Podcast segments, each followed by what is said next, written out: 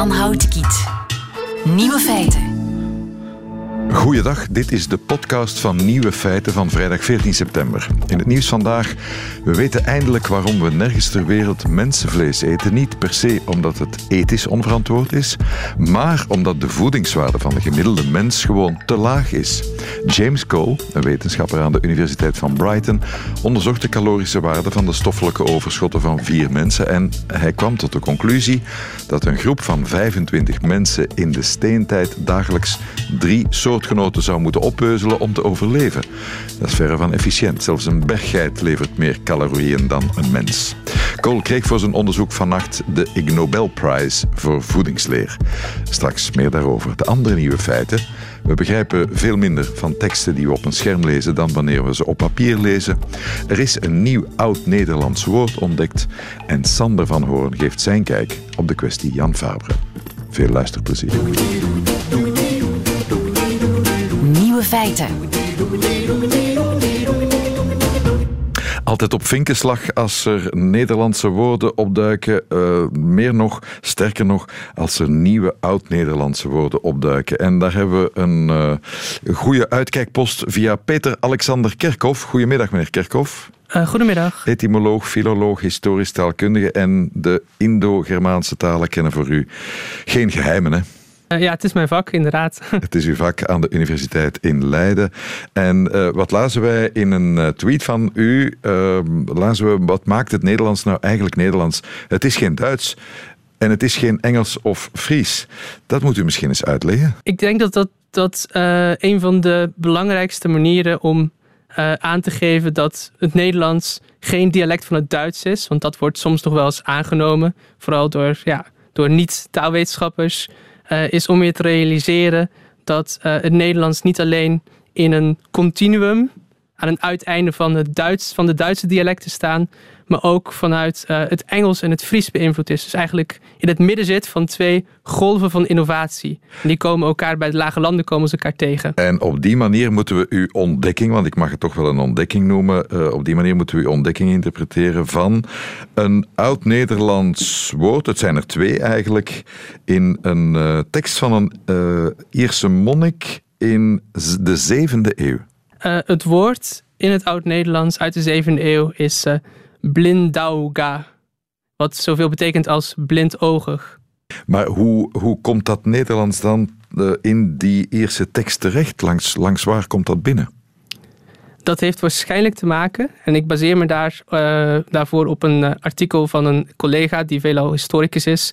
het heeft waarschijnlijk te maken met de Frankische bezoekers die in de zevende eeuw regelmatig naar Ierland toe gingen. En dat waren geestelijke. In sommige gevallen was dat zelfs een, uh, een koningszoon. En er waren goede contacten tussen dat Merovingische Frankrijk uit de 6e, 7e eeuw en Ierland. En mensen gingen daar dus graag naartoe. Uh, Oud-Frankisch, dan, uh, het, de, de, naam zegt het, het Frankenrijk. Dan voel ik mij al een beetje in Frankrijk. Wil dat nu zeggen dat er in Frankrijk Nederlands werd gesproken? Uh, dat klopt. En ja, dat klinkt een beetje vreemd. Maar eigenlijk dat Oud-Nederlands van de 6e, 7e eeuw, dat staat uh, direct in verbinding met het Vlaams en met, uh, uh, met het Nederlands in Brabant, dat toen gesproken werd. Dat strekte, zich uit, dat strekte zich uit eigenlijk tot en met Parijs. En het was een taal van de bovenklasse.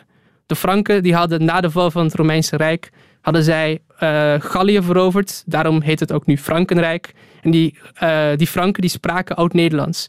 En onder elkaar spraken zij zelfs in Noord-Frankrijk nog heel lang Oud-Nederlands. Um, dat vind je ook voor een stuk uh, terug, dacht ik, in de Oud-Nederlandse vormen voor die Franse plaatsnamen, om nu met Parijs uh, te beginnen. Uh, dat is correct. Ehm, er, in mijn proefschrift bespreek ik deze, dit bewijsmateriaal en het gaat inderdaad om oud-Nederlandse naamsvormen voor Franse plaatsnamen. En dan gaat het om de plaatsnaam Parijs. En uh, daar hebben we de oud-Nederlandse vorm Persa hebben we daarvoor. Uh, dan gaat het om Amiens en daar hebben we de Nederlandse vorm Embenoem hebben we die daarvoor.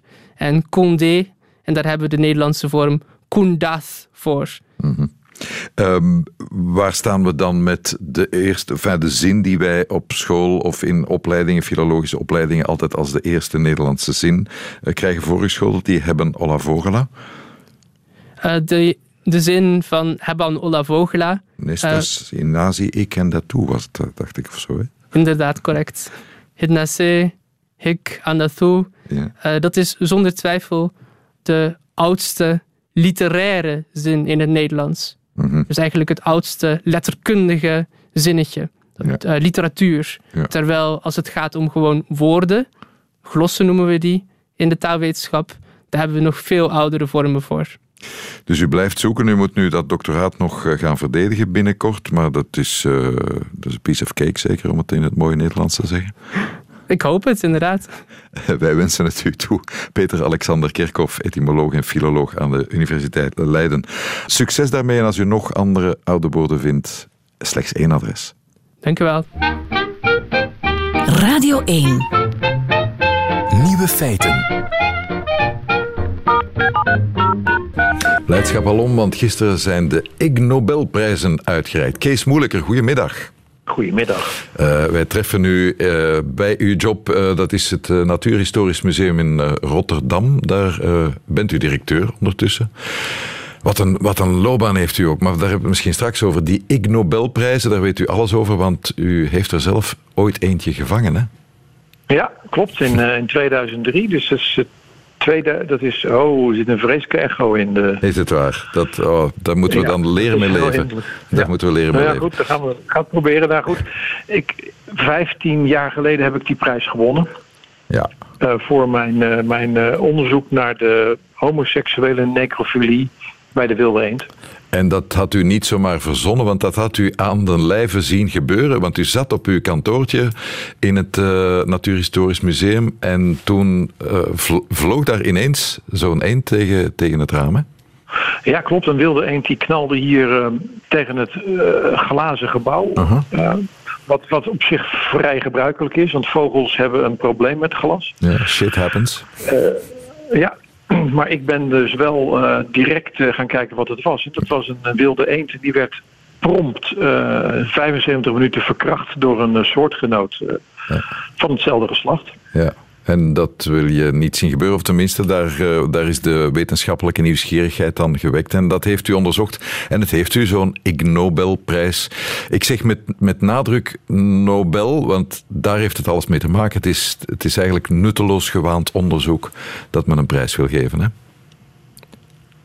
Nee, dat ben ik niet met u eens. Het is, het is onderzoek wat eh, mensen eerst aan het lachen maakt en daarna aan het denken zet. Ah, Oké, zo is het inderdaad. Het is meer een parodie eh, op de Nobelprijs. Hoe lang bestaat dat ding al?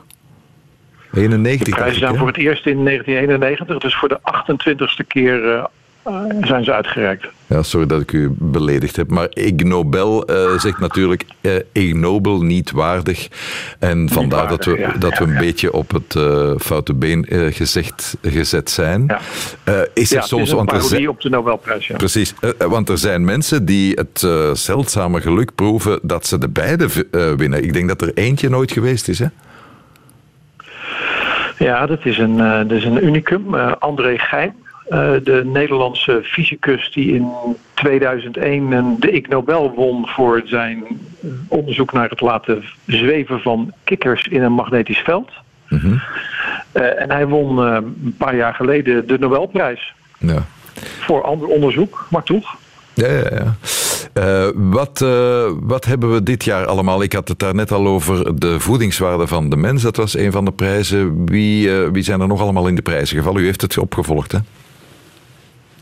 Ja, de, de- ik vind zelf de economieprijs eh, een, een eentje voor gevorderden. De, de- de- hebben uitgezocht dat het effectief is voor werknemers om voodoo-poppen te gebruiken om wraak te nemen op uh, boosaardige bazen. Oké. Eh, ja. Ooit zal misschien Ja, blijken nou. of, hoe relevant dat is. Ja, nou, dat is de, dat, ik denk dat het wel belangrijk is dat je, dat je in, een, in een vervelende situatie op het werk eh, niet de baas voor, voor eh, klootzak uitscheldt, Mhm. maar eh, je, je frustraties botviert op een poppetje. Ja. En dan was er de biologieprijs. We gaan even naar de aankondiging daarvan luisteren. The Biology Prize.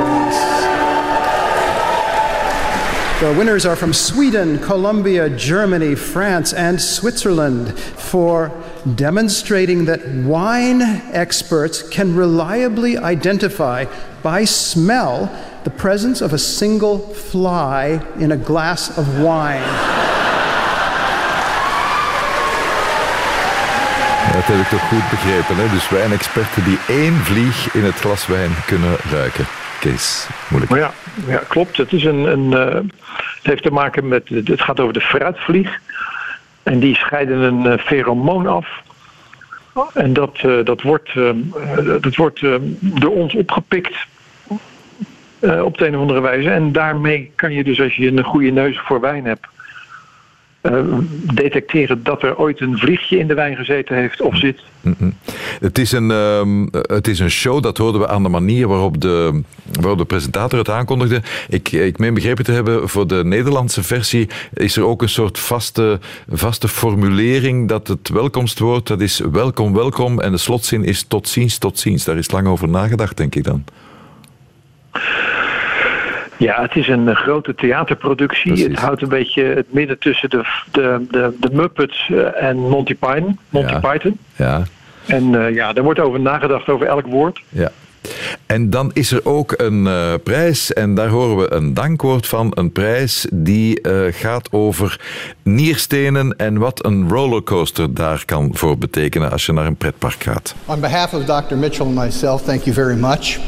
We did, in fact, research riding on a roller coaster to help pass kidney stones. The real credit goes to one of my patients. My patient went on spring break with his family to the Walt Disney World Resort to the Magic Kingdom and rode on a little roller coaster called the Big Thunder Mountain Railroad roller coaster.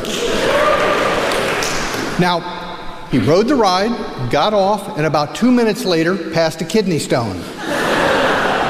He was so convinced that the ride had caused it that he got back in line and rode it a second time. Two minutes after his second ride, he gave birth to kidney stone number two.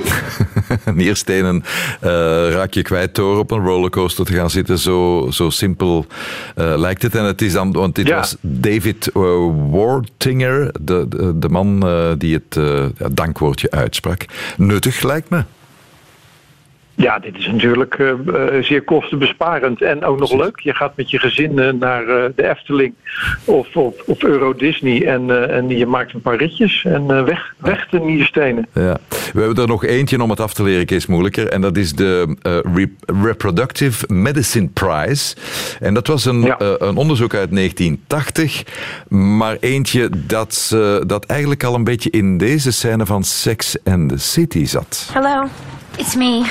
It's been days and still nothing. What if he really is impotent? Well, what kind of impotence do you think it is? The kind that makes it soft? No, no. I mean physical or emotional. I don't know. Okay, here's how you find out. You put a ring of paper around his flaccid penis while he's asleep. Jesus, I sound like a perverted Nancy Drew. What does that do? Well, if it rips during the night, that means he's capable of an erection and the problem is not physical.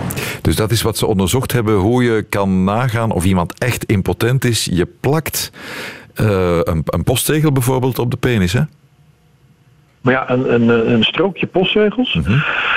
En uh, wanneer de penis in de rusten is, ja, en dan ga je slapen. En als je de volgende morgen wakker wordt en uh, de, de, het, het, de postzegel is gescheurd op de perforatie dan weet je dus dat, het, uh, dat je geen erectieproblemen hebt. Dat het niet reddeloos verloren is. Dat ja, precies. Dat leren. Wat, uh, wat winnen de Ig Nobelprijswinnaars? Ze winnen een knutselwerkje, de Ig Nobelprijs. Ja. Een certificaat waarop staat, uh, ja ook, uh, een certificaat uh, winnen ze met handtekeningen van Nobelprijswinnaars.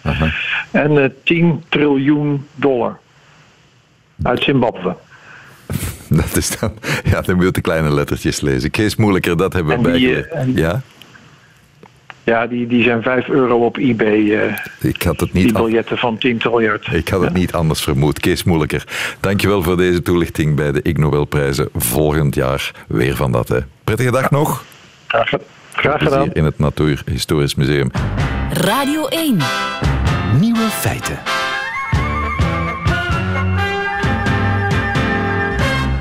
Ik zing het liedje al langer dan vandaag. Niks zo goed morgens als een goede papieren krant en een kop dampende koffie. En dan voel ik mezelf een beetje een oude zeur. Maar misschien is dat niet zo. Pedro de Bruikere, goedemiddag. Een goede middag, Jan. Want wat blijkt met dat papier is niet alles mis natuurlijk. Het is niet goed voor het milieu, daar zijn we het eh, over eens. Maar laten we het hebben over de, ja, de effectiviteit van papier versus het scherm. Dat, uh, dat blijkt toch een pak leesefficiënter te werken. Wel, uh, er is een nieuwe meta-analyse uh, verschenen waarbij ze 54 onderzoeken met elkaar vergeleken hebben. Ah ja, dat is meta-analyse is dus je legt 54 onderzoeken naast elkaar en dan ga je dat nog eens onderzoeken. Ja, en zo kom je uit op meer dan 170.000 uh, deelnemers aan de onderzoeken. Dus... zo blijven we bezig, hè Pedro? Ja, maar daardoor ja, kun je, als er verschillen zijn tussen onderzoeken die wegwerken, uh -huh. en wat blijkt, uh, over de hele lijn is het duidelijk, als het gaat over dingen onthouden, dingen begrijpen, dan wint papier. En waarom zou dat... Enfin, ik weet wel waarom ik denk dat dat zo is, maar waarom is dat dan volgens die, on, die 54 onderzoeken? Wel, dan moet je ietsjes verder kijken, want die onderzoeken stellen vooral vast natuurlijk. Mm -hmm. um, het gaat er, in feite is lezen op papier ietsje moeilijker, ietsje trager soms, uh, of het komt trager over. En dan merk je dat um, je meer moet nadenken. En meer nadenken doet beter begrijpen. Of doet ook meer onthouden. Mijn gevoel zegt dat het een van de grote voordelen van papier, of het nu een boek of een krant is, je kan af en toe eens teruggaan, je kan eens vooruit gaan, je kan iets nog eens lezen. Dat doe je misschien minder makkelijk op een scherm. Wel, je kan dat ook op een scherm nu, je kan scrollen en dergelijke, maar dan hebben de onderzoekers, de verschillende onderzoekers, gemerkt dat dit weinig uitmaakt op een scherm. Eén. En dat tijd ook wel een rol speelt. Het negatieve effect, maar dan vooral in de klas, van uh, lezen op een digitaal scherm, mm-hmm. verminderde als er minder tijdsdruk was. Als je ja. genoeg tijd kreeg om de informatie te verwerken, dan verdween het negatieve effect. Maar als je bijvoorbeeld maar 10 minuten krijgt om een tekst te lezen, ja, dan was het heel duidelijk dat papier beter was. Een van de andere ja, buikgevoel-elementen is dat je, je mist ook context. Hè? Als je papier hebt, context letterlijk bedoel ik, je ziet iets in een, in een kader, terwijl een scherm, ja, je ziet dat bij manier van spreken pagina per pagina. Je ziet dat wat uit zijn verband gerukt. Wel, ook daar kan het zijn dat dat klopt, maar is het ook niet zo eenduidig. Mm-hmm. Want um, het effect bijvoorbeeld op computerscherm was uh, veel negatiever dan op een iPad op een tablet. Mm-hmm. En ja, daar is die context ook wel weer verschillend. Dus um, dat is niet zo eenduidig, vrees ik. Zijn, er, zijn dat significante verschillen in efficiëntie van lezen of, of zijn dat uh, details? Ja, het is, nee, het is zeker significant. En uh, de onderzoekers maken het heel concreet over het lezen van teksten in de lagere school. Mm-hmm. En ze vergelijken van, kijk, hoeveel gaat een normaal kind voor begrijpend lezen per jaar vooruit? Mm-hmm. En dan zeggen ze van, kijk, het negatieve effect van lezen op een scherm versus papier is in feite twee derde van de normale vooruitgang van een kind in de lagere school. Dat is, dat is behoorlijk wat, toch? Dat is behoorlijk wat. Uh, nu, elke school probeert uh, tegenwoordig mee te zijn met zijn tijd. Smart school, digitale borden, noem het maar op. Slides die, uh, ja, aan universiteiten ook, wordt, wordt er met, met, met slides en met powerpoints gewerkt. Dat is dus niet zo'n goede evolutie. Wel, de, het onderzoek, en al die onderzoeken, en ik, ik sluit me eraan, is niet tegen technologie. Maar je moet goed kijken waarvoor je wat gebruikt. Uh, met boeken kun je heel moeilijk interactieve oefeningen doen waarvan we weten dat we daar ook leerresultaten uithalen. Als het gaat over cursussen, als het gaat over het uh, verwerken van informatie, wint papier. Als het gaat over als dat interactief is, ja, dan kan technologie een belangrijke meerwaarde spelen. Dus het gaat over de juiste tool, het juiste medium op het juiste moment. Dat is, uh, dat is niet makkelijk om uit te maken wat. Dus als het enige vorm van interactiviteit in zich heeft, dan moet je het vooral wel doen. Voor alle anderen, en dat lijkt mij nog altijd misschien wel het gros van de, van de productie, is papier dan toch net iets beter. Zo lijkt het wel. En ehm, wat ook wel interessant is, want een argument dat je soms hoort van ja, maar ondertussen worden we misschien meer gewoon aan uh, schermen en op een bepaald ogenblik zal dat verdwijnen. Maar de onderzoekers merken, omdat ze onderzoeken vergeleken hebben over heel lange periode, dat dat niet het geval is. Dus dat we er niet lijkt alsof we daar gewoon aan worden, dat het effect blijft. Hm. Heb ik je daarnet nu goed horen zeggen dat dus twee derde van de informatie bij het opnemen via een scherm gewoon verloren gaat?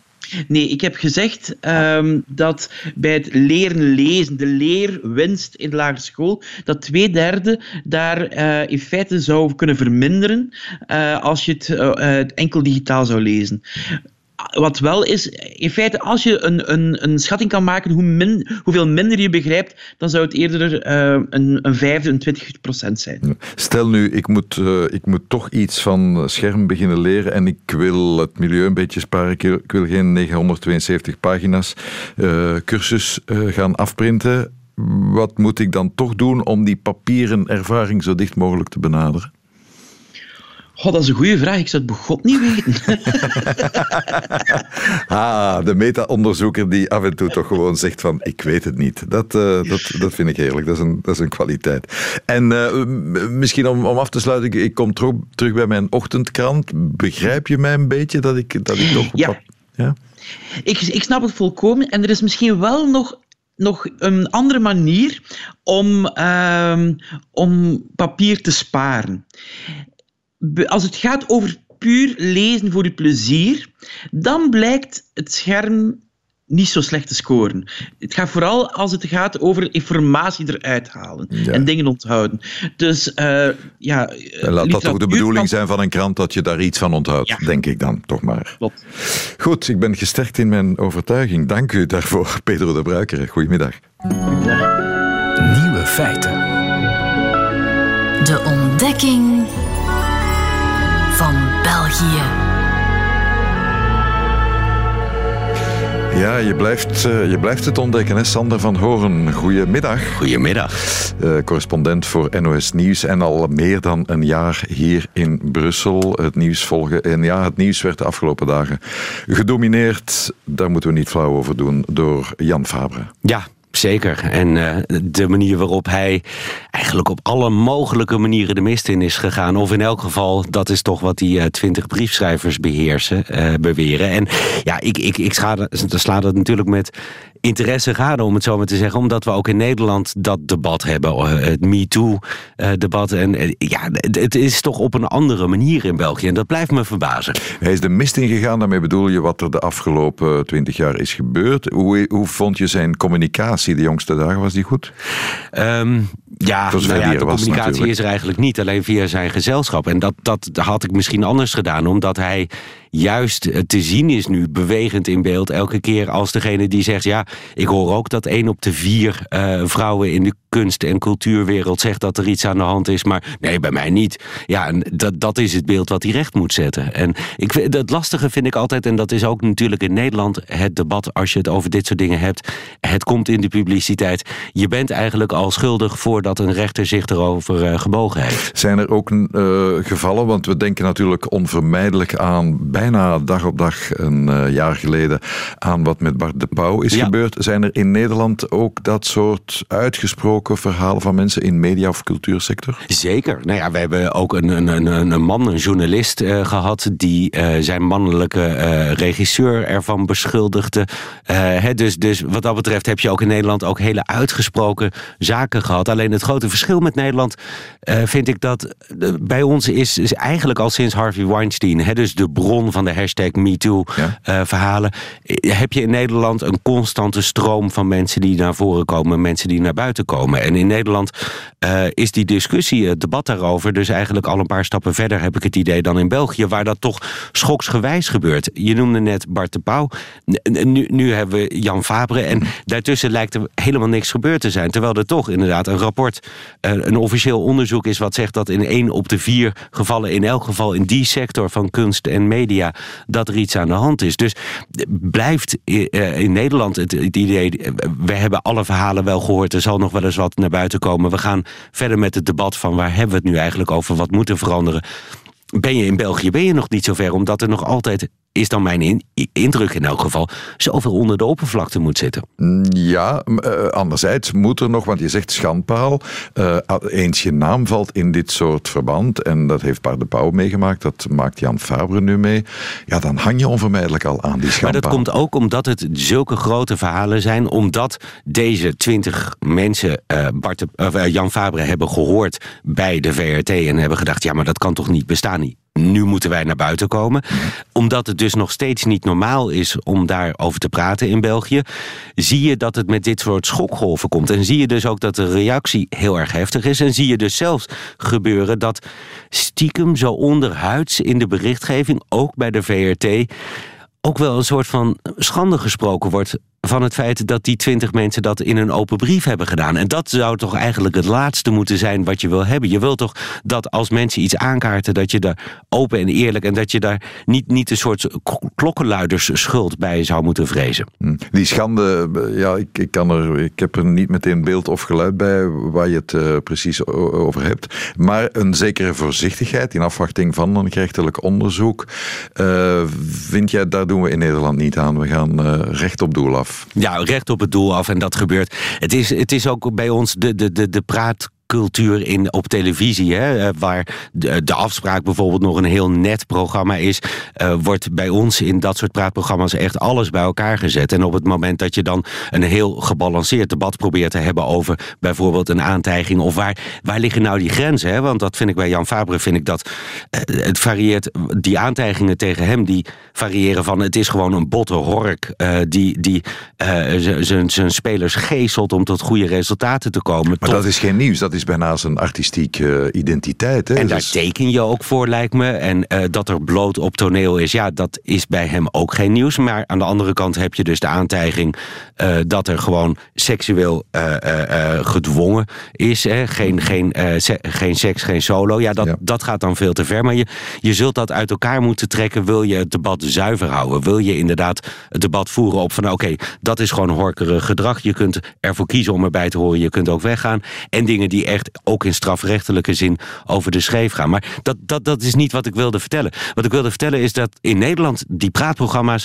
dan wordt er uh, op dat niveau gedebatteerd. En dan zit er altijd wel een voetballer, een volkszanger of een weet ik veel wat aan tafel, die er dan ook zijn zegje over doet. En dan gaat in Nederland de subtiliteit volledig overboord. En dan krijg je inderdaad die schandpaal. Dus wat dat betreft moet je misschien wel gelukkig prijzen. Ik bedoel, ik, ik had het over het nadeel van dat dingen onder de oppervlakte blijven in België. Nou, in Nederland gebeurt dat misschien af en toe eens de, te weinig. De slinger naar de andere kant doorgeslagen. Ik, maar ik moet zeggen, ik ben niet zo ontevreden dat ik een Vlaming ben. Nee, maar de, de, het heeft, dat het nog altijd in de taboesfeer zit, heeft ook nadelen. Ik zou jou als iemand die uh, jarenlang in deze sector, waar één op de vier mensen zegt last te hebben van dit soort uh, zaken, ik zou jou kunnen vragen van, maar Jan, je moet dat toch ook in je eigen omgeving zien. Dat zou een normale vraag moeten zijn. Maar in de Belgische context ben ik enorm bang om jou voor het blok uh, te zetten. Om jou te dwingen, ongemakkelijk. Hè? Dus die cultuur houdt België wel tegen, denk ik. En daarmee voorkom je dus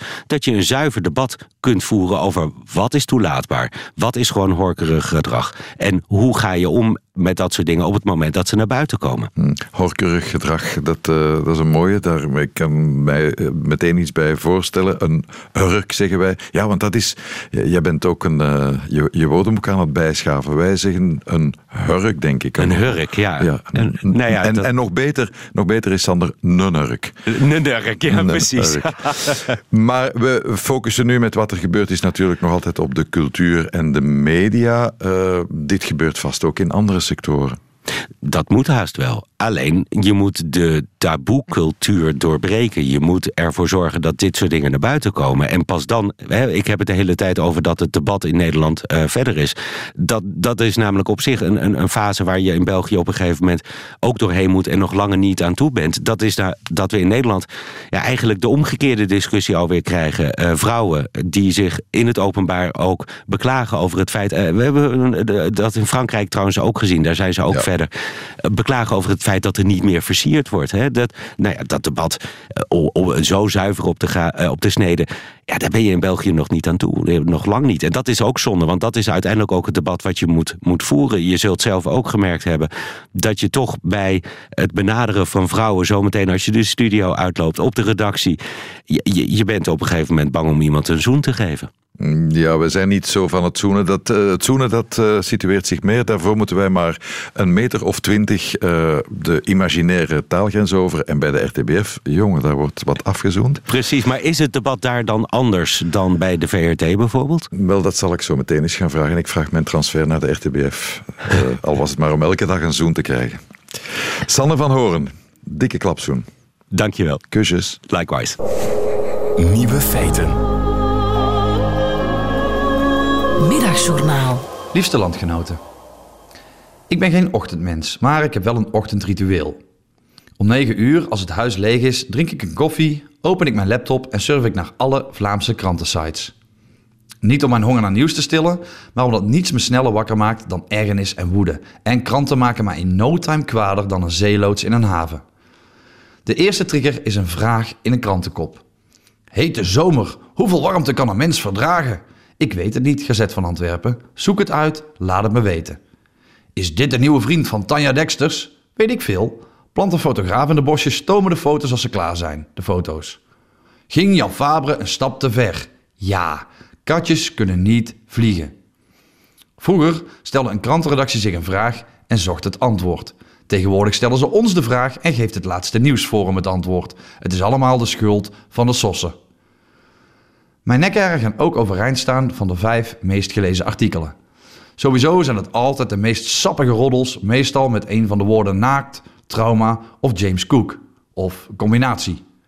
Puur door het feit dat ze het meest gelezen zijn, wil je toch even weten of je niks mist. Zo blijven ze het meest gelezen en leert niemand iets nuttigs. Wanneer wordt die teller gereset eigenlijk? Kunt u mij een lol doen, luisteraar? Surf even naar nieuwsblad.be, ga naar economie en klik op het artikel Duaal leren slaat aan in chemiesector. Als we dat allemaal tegelijk doen, moet dat de top 50 kunnen halen? Misschien leren we de nieuwsbladlezers wel iets nuttigs of maken we een stagiair werknemer van de maand. Maar veruit mijn grootste frustratie is de plus. Niet het magazine, maar het teken. Gazet van Antwerpen Plus, De Standaard Plus, HLM Plus, Nieuwsblad Plus, De Morgen Plus. De namen van de betaalsecties van onze dagbladen zijn net zo divers als de kieslijst van het Vlaams Belang. Plus, voor werkelijk elk artikel met een beetje verdieping, onderzoek of opinie moet ik me registreren en betalen. Noem me een Hollander, maar ik wil mijn nieuws zoals ik mijn seks wil. Gratis. Mensen die voor elke duiding moeten bijbetalen, gaan gratis eigen inzichten verzinnen. Dat is hoe fake nieuws ontstaat. Als je fake nieuws wilt voorkomen, geef het volk dan gratis de waarheid. Dan zullen wij wel bijbetalen voor de sappige roddels over het naakte trauma van James Cook. Dit is een Bas Birker Plus artikel. U hebt nu 31% van deze mening gehoord. Wilt u verder luisteren? Registreer u dan gratis op basbirker.be of koop een kaartje voor de theatershow.